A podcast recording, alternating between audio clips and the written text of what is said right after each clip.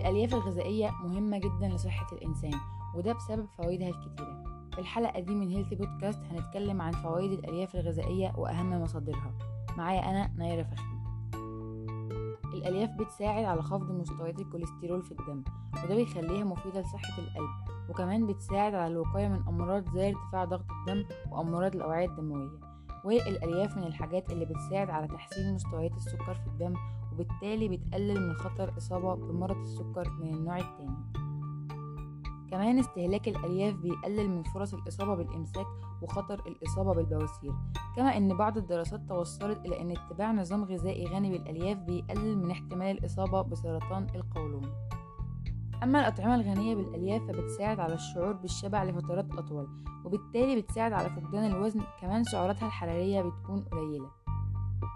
الألياف ليها مصادر متنوعة منها منتجات الحبوب الكاملة زي الشوفان والشعير والأرز البني والبرغل والفشار.